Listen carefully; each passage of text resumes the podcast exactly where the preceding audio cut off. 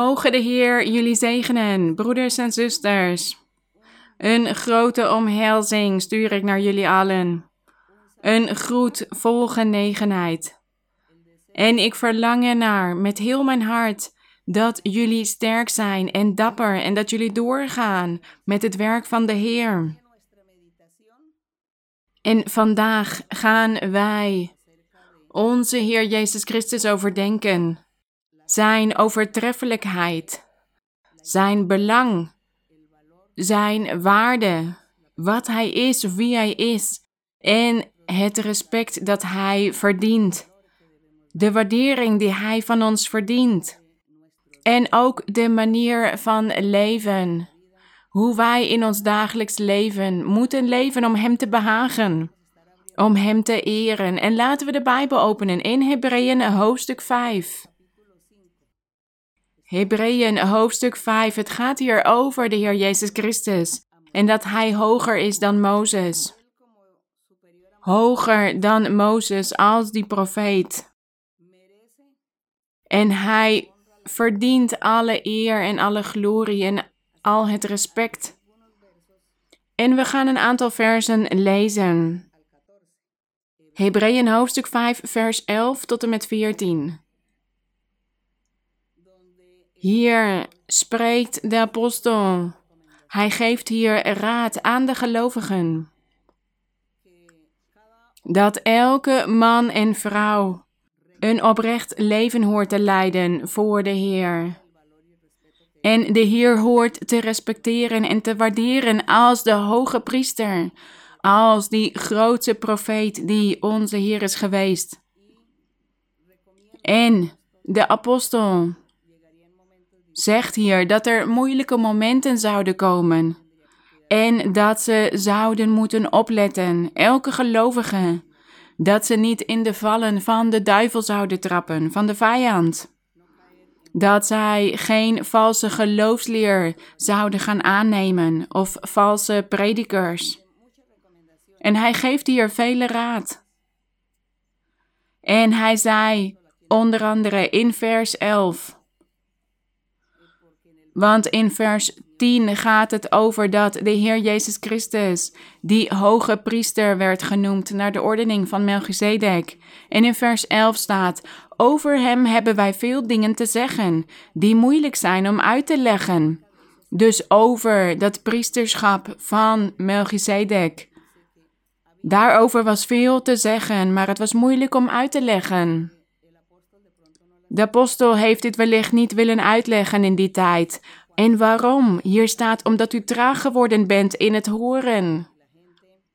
Dus, omdat zij traag waren geworden om de geloofsleer te begrijpen, moest de apostel met hen omgaan als kinderen en hij moest hen melk geven in plaats van vast voedsel. En dat is ook verdrietig voor ons, want daarom heeft de apostel niet meer onderwezen over die diepgaande dingen van de Heer. Maar goed, de Heilige Geest zal ons nog vele dingen onderwijzen en heeft ons ook al vele dingen onderwezen. Dankzij onze God. En hier staat in vers 12: Want hoewel u gelet op de tijd leraars zou moeten zijn. Hij zei: Zoveel tijd is er voorbij gegaan dat jullie gelovigen zijn en dat jullie de geloofsleer hebben gehoord. Jullie zouden leraars moeten zijn. Maar hier staat: Jullie zijn geen leraars. U hebt het weer nodig. U hebt weer iemand nodig die u onderwijst in de grondbeginselen van de woorden van God. U bent geworden als mensen die melk nodig hebben en niet vast voedsel. Ieder immers die van melk leeft is onervaren in het woord van de gerechtigheid, want hij is een kind. Wat een verdriet. Die gelovigen waren al jarenlang de verkondigingen, de prediking van de apostel aan het aanhoren over de Heer, de geloofsleer van onze God, maar ze hadden het niet kunnen begrijpen. Ze begrepen het niet en daarom was de apostel ontmoedigd geraakt, want hij dacht dat hij al voor leraars zou staan, maar hij stond nog steeds voor diezelfde kinderen. Ze waren nog steeds onervaren in het woord van de gerechtigheid, in de geloofsleer. En de apostel zegt hier in vers 14: Maar voor de volwassenen is er het vaste voedsel, voor hen die hun zintuigen door het gebruik ervan geoefend hebben. Die zintuigen zijn geoefend als we kennis hebben, als we nadenken, als we beredeneren, als wij diepgaand het woord van de Heer onderzoeken. En als we het woord ook onderwijzen en er naar leven, dan zijn we geestelijk volwassen geworden. En wij vandaag de dag horen ook deze volwassenheid te bereiken. Wij horen ook veel de Bijbel te lezen. Eén keer en nog vele keren de Bijbel helemaal te lezen. Totdat wij globale concepten uit de Bijbel uit ons hoofd hebben geleerd. Zodat de Heer ons zijn diepgaande geloofsleer kan openbaren. Die geheimenissen die in de Bijbel staan geschreven. En zo kunnen we dan ook onderscheiden tussen goed en kwaad, zoals hier in vers 14 staat. Dit zijn twee wegen die God voor ons heeft neergelegd. En wij moeten dit onderscheiden met geloofsleer, met volwassenheid, met kennis. Door te strijden, door te lezen, door vele dingen uit ons hoofd te leren. Als wij die volwassenheid bereiken en we moeten ook God vragen om ons hierbij te helpen, zodat wij op een volwassen manier kunnen handelen en zo leraars en leraressen kunnen worden van het goede, van de geloofsleer, van al dat kostbare dat God voor ons neerlegt. Dat is ons verlangen. Dat is wat wij willen. Wij willen volwassen worden en vele dingen leren van God om te kunnen onderscheiden tussen goed en kwaad. En in hoofdstuk 6 gaan we verder lezen tot en met vers 8. Hoofdstuk 6, vers 1. Laten wij daarom het eerste onderwijs met betrekking tot Christus laten rusten. Dit zegt hij tegen die kinderen. Die kinderen waren in de geloofsleer geestelijk onvolwassen. Want ze waren nog steeds met de grondbeginselen bezig, maar hier staat: we moeten doorgaan tot de volmaaktheid. Tot de volmaakte geloofsleer. Zonder opnieuw het fundament te leggen van bekering van dode werken. Dit zijn de eerste dingen die wij leren als wij van God horen, als wij het woord van de Heer beginnen te leren kennen. De eerste stappen zijn die bekering van dode werken, het geloof in God, de leer van de dopen, de doop met de Heilige Geest ontvangen, geloven in God dat we Hem horen te gehoorzamen, over de geestelijke gaven, over de handoplegging. Al die dingen, al die kennis, dat is het eerste wat wij leren als wij op de weg van God komen. Als wij op deze weg beginnen te lopen. En hier staat ook de leer van de opstanding van de doden en de leer van het eeuwig oordeel, of ook van het eeuwige leven. En de apostel zegt in vers 3, en dat zullen wij ook doen. Ja, wij geloven in al deze grondbeginselen. Wij hebben die al geleerd en wij hebben die vastgehouden in ons hart en wij leven hiernaar. Wij doen dit. Als God het toestaat, staat hier. Maar we moeten doorgaan tot de volmaaktheid, zegt hij. We moeten die volmaaktheid van God bereiken. Die volmaakte kennis van de diepgaande geloofsleer van God. Maar volgens de apostel waren er velen die bleven in die grondbeginselen of het eerste onderwijs vaststaan. Er was geen vooruitgang in hun leven. Ze waren afgeleid door deze grondbeginselen en ze zochten er niet naar om vooruit te gaan in hun geestelijk leven, om te groeien, om een leraar of lerares te worden voor God. Wat gebeurt er dan? Dan komt de duivel, of de duivel was gekomen naar velen van deze en hij liet hen terugvallen in hun oude leven. in de zonde. Velen waren afvallig geworden. Ze waren in hun oude leven weer gaan leven, vol zonden. En ze waren God vergeten. Ze hadden het woord van God veracht, de naam van onze Heer Jezus Christus. Vele dingen verachten zij. Al die dingen die God aan hen had laten zien. Om die volmaaktheid te kunnen bereiken. Maar velen waren afvallig geworden, net zoals vandaag de dag. Vandaag de dag zijn er ook vele mensen die naar de kerk zijn gekomen en het woord van de Heer hebben geleerd en ze hebben profetie geluisterd. En ze hebben genoten van de handoplegging van visioenen, profetieën, dromen, de beloften van God, de beloften die God hen heeft gedaan over hun leven, over hoe ze God zouden dienen op een bepaalde dag. En ze hadden op dat moment veel blijdschap, veel vreugde. Maar omdat ze niet geestelijk volwassen zijn geworden, omdat ze niet naar die volmaaktheid hebben gezocht in de geloofsleer, zijn zij teruggevallen, zijn ze afvallig geworden en weer in zonde gaan leven. En in vers 4 staat: De apostel zegt: Want het is onmogelijk om hen die eens verlicht zijn geweest, die de hemelse gaven geproefd hebben en deelgenoot zijn geworden van de Heilige Geest, en die het goede woord van God geproefd hebben en de krachten van de komende wereld. Dus wat wij allemaal aan het begin van deze weg hebben geleerd, wat ik net heb opgenoemd. Dat ze geproefd hebben van de handoplegging, de gave van genezing, de wonderen die God in velen heeft verricht, materiële zegeningen die God ons heeft gegeven, troost, blijdschap, vreugde, vrede. Al die dingen daar hebben ze van geproefd. Toen ze op de weg van de Heer begonnen, maar ze hebben niet volgehouden. Want hier staat, nadat ze verlicht waren geweest en ze hadden de geestelijke gaven ontvangen, of hen werd de handen opgelegd en God had wonderen verricht in hun leven. En ze hadden het goede woord van God aangenomen. En ze waren op het eeuwige leven aan het wachten. Ze hadden de hoop om verlost te worden. Maar hier staat in vers 6: en die daarna afvallig worden. Die mannen en vrouwen in die tijd waren afvallig geworden.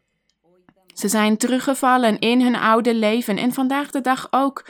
Hoeveel mensen kennen wij wel niet die weer afvallig zijn geworden, die weer gevallen zijn in die zonden van overspel, ontucht, of die weer verslaafd zijn geraakt aan drugs of die marihuana of cocaïne gebruiken. Al die elementen die het lichaam vergiftigen. En anderen vallen terug in diefstallen of bedrog of ontucht plegen. Gezinnen worden vernietigd, gaan uit elkaar een huwelijk dat al jaren samen is geweest, een echtpaar dat ze ineens niet meer van elkaar houden en elkaar niet meer respecteren en dat ze gaan scheiden. En kinderen lijden hieronder. De kinderen zijn het die het meeste lijden. Dus dat betekent dit in vers 6 dat ze afvallig zijn geworden. Nadat ze geproefd hebben van al dat geestelijke van God, de roeping van onze Heer, zijn ze afvallig geworden en weer ontuchtplegers geworden, overspelers, bedriegers, leugenaars. En hier staat dat het onmogelijk is dat deze mensen weer opnieuw tot bekering gebracht worden. Dat is onmogelijk, zegt de apostel. Dat het onmogelijk is hen weer opnieuw tot bekering te brengen, omdat zij voor zichzelf de Zoon van God de Heer Jezus Christus opnieuw kruisigen en openlijk te schande maken. Dus hij zegt: Dit is onmogelijk, dit is niet mogelijk. Dit kan niet gebeuren dat deze mensen die afvallig geworden zijn, die weer in hun zonde zijn gaan leven, dat zij, dat God hen weer opnieuw ontvangt en hen begint te zegenen alsof er niks is gebeurd. De Heer heeft een vreselijke straf voor deze mensen. Dit lezen wij in de Bijbel. De Heer wordt hier boos over. En zoals de, het oude volk van Israël hem heeft gefaald en de Heer hem heeft gestraft, zo doet hij dit vandaag de dag ook. Iedereen die zijn weg heeft leren kennen en heeft genoten, heeft geproefd van die geestelijke gaven, die de geestelijke gaven heeft ontvangen van God of die profetie heeft ontvangen en die heeft gezien hoe God wonderen heeft verricht in zijn leven, maar dan toch weer terugvalt in de zonde, in het kwaad.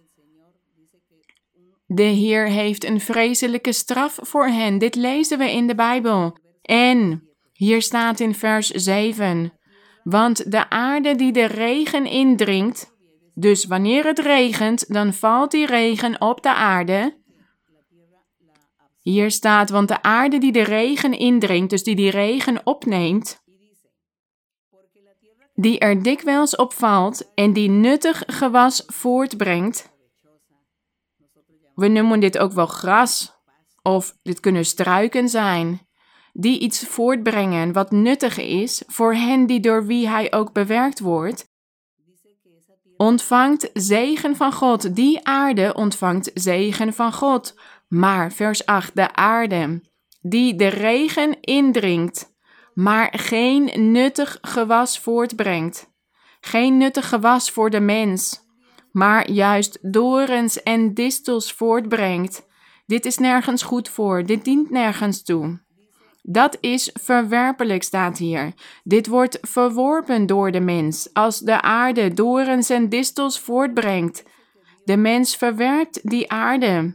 En zo is het ook met God. God verwerpt ook die mannen en vrouwen die van het geestelijke hebben geproefd, maar toch zijn teruggevallen in hun oude leven. Daar vergelijkt hij deze aarde die dorens en distels voortbrengt mee. En hier staat: Dit is verwerpelijk en de vervloeking nabij, waarvan het einde tot verbranding leidt. Dat is het einde dat wacht op die mannen en vrouwen die weer terug zijn gevallen in de zonde, die weer ontucht zijn gaan plegen of overspel, of die hun kinderen alleen hebben gelaten, hun gezin hebben achtergelaten, of die weer in het kwaad zijn gaan leven, die weer zijn gaan stelen of liegen, of weer in hebzucht en jaloezie zijn gaan leven of zijn gaan moorden. Al die zonden, als ze daar weer in gaan leven dan zal hen dit einde verwachten. Hier staat waarvan het einde tot verbranding leidt. En het is de vervloeking nabij, dus het is niet goed om de wegen van God te verlaten. En wij weten, ja, de Heer is barmhartig. En als deze mensen, nadat ze weer zijn teruggevallen in hun oude leven en God heeft hen hiervoor gestraft, ze hebben vele dingen geleden. Sommigen komen dan weer terug. Die komen vernederd en verdrietig terug naar God en die vragen God om barmhartigheid, om weer vergeven te worden. En vast en zeker zal God hen weer kunnen vergeven in zijn grote barmhartigheid. Maar ze zijn in die genade van God achterop geraakt. Ze zijn die kwijtgeraakt. En vele beloften die God hen had gedaan, zijn ze kwijtgeraakt.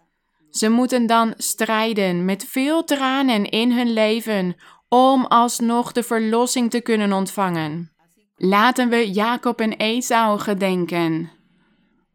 Jacob had het eerstgeboorterecht van Esau van hem gekocht want Esau had het veracht en hij had dit voor één enkele maaltijd verkocht voor een bord linzensoep. En toen Esau erachter kwam wat hij had gedaan, heeft hij veel gehuild en hij vroeg God om vergeving. Toen hij daarna de zegen wilde erven, werd hij verworpen, want hij vond geen plaats van berouw, hoewel hij de zegen vurig en met tranen zocht. Zo lezen we dit in de Bijbel. Maar God heeft hem niet toegestaan dat hij die zegen weer terug zou krijgen. God is wel barmhartig met hem geweest in zijn leven en heeft vele dingen voor hem gedaan. En hij heeft hem bezittingen gegeven in zijn leven, maar hij heeft moeten lijden. Hij was veracht, verworpen in zijn leven en hij heeft vele oorlogen mee moeten maken en veel moeten lijden vanwege dat hij de zegen van God had veracht. Dus God kan wel barmhartig zijn met degenen die zijn zegeningen verachten, maar alles wordt ons vergolden. Al onze daden worden ons vergolden, goede en slechte daden. Dus ook wanneer wij de Heer verachten, wanneer wij het evangelie verachten, dan zal Hij ons dit ook vergelden. Dus als wij in vrede willen leven en die zegen en die bescherming van God bij ons willen hebben, dan horen wij vol zekerheid op deze weg te gaan om op een dag het eeuwige leven te mogen ontvangen. Dus we horen door te gaan, te strijden en val niet terug. Wees niet afvallig, maar wees juist dapper. Bid tot God om jullie te helpen, om jullie sterk te maken, om jullie kracht te geven, om de duivel te bestraffen op het moment van verzoeking. Wees standvastig en analyseer jullie leven. Val niet in de handen van de vijand. Dat is deze overdenking van vandaag. En het is goed voor ons, het is nuttig om dit allemaal te gedenken, om dit te overdenken, zodat dit duidelijk voor ons is en zodat we de duivel niet toestaan om de strijd van ons te winnen. Dus laten we doorgaan en mogen God jullie kracht geven en sterkte. En mogen Hij jullie bekleden met die geestelijke wapenrusting om te kunnen strijden tegen de vijand en stand te kunnen houden. Laten we gaan bidden tot onze God. Hemelse Vader, gezegende God, ik dank u voor deze kans om weer uw woord te overdenken. We zijn het goede en het slechte aan het overdenken. De weldaden die wij van u hebben ontvangen, maar ook de slechte daden van velen die wij hebben leren kennen, die een tijd bij ons in de kerk zijn geweest en van vele zegeningen van u hebben genoten, maar toch zijn teruggevallen. Ze zijn alles kwijtgeraakt, mijn Heer, en dat is zo verdrietig. Dat is zo verdrietig om hierover te horen. En wij verlangen ernaar dat dit niemand meer overkomt zodat we zoveel kwade dingen in ons leven kunnen vermijden. Wij vertrouwen op uw barmhartigheid en wij geloven in u. En wij bidden tot u, zodat u ons helpt, mijn Heer, zodat wij overwinnen, zodat wij de vijand kunnen overwinnen, mijn Heer, en zodat u ons allemaal helpt om door te gaan. Wij danken u in de naam van uw Zoon, de Heer Jezus Christus uit Nazareth. En ik vraag u ook, mijn Heer, om uw hand uit te strekken over broeders en zusters die ziek zijn. Want er zijn velen die ziek zijn geworden. Kinderen, ouderen, volwassenen van elke leeftijd, mijn Heer. Strek uw hand uit en bevrijd. En breek ketens, mijn Heer. Banden van de vijand. Hekserijen, tovenarijen, vervloekingen. Want er zijn velen over wie kwade geesten heersen. En die kwade geesten laten hen stemmen horen. En die achtervolgen hen en laten hen niet in rust leven, in vrede. Verhoor de gebeden van deze mensen die hieronder lijden, mijn Heer. En verhoor het gebed van iedereen die tot u bidt op dit moment. Wees barmhartig, mijn Heer. Heb ontferming. Strek uw krachtige hand uit, mijn Heer, en doe wonderen en tekenen in het leven van iedereen. We danken u, mijn Vader. In de luisterrijke naam van uw Zoon, de Heer Jezus Christus, vragen wij dit allemaal. Glorie aan de Vader, de glorie aan de Zoon en aan de Heilige Geest. Wij danken onze Heer. Laten we koor 69 zingen. Als de Geest van God mijn hart vervult. Koor 69. Als de geest van God mijn hart vervult, dan zing ik met vurigheid. Als de geest van God mijn hart vervult, dan zing ik met vurigheid. Dan zing ik, dan zing ik en prijs ik zijn heerlijkheid. Dan zing ik, dan zing ik en prijs ik zijn heerlijkheid. Als de geest van God mijn hart vervult, dan zing ik met vurigheid. Als de geest van God mijn hart vervult, dan zing ik met vurigheid. Dan zing ik, dan zing ik en prijs ik zijn heerlijkheid. Dan zing ik, dan zing ik en prijs ik zijn heerlijkheid. Als de geest van God mijn hart vervult, dan zing ik met vurigheid. Als de geest van God mijn hart vervult, dan zing ik met vurigheid. Dan zing ik, dan zing ik en prijs ik zijn heerlijkheid.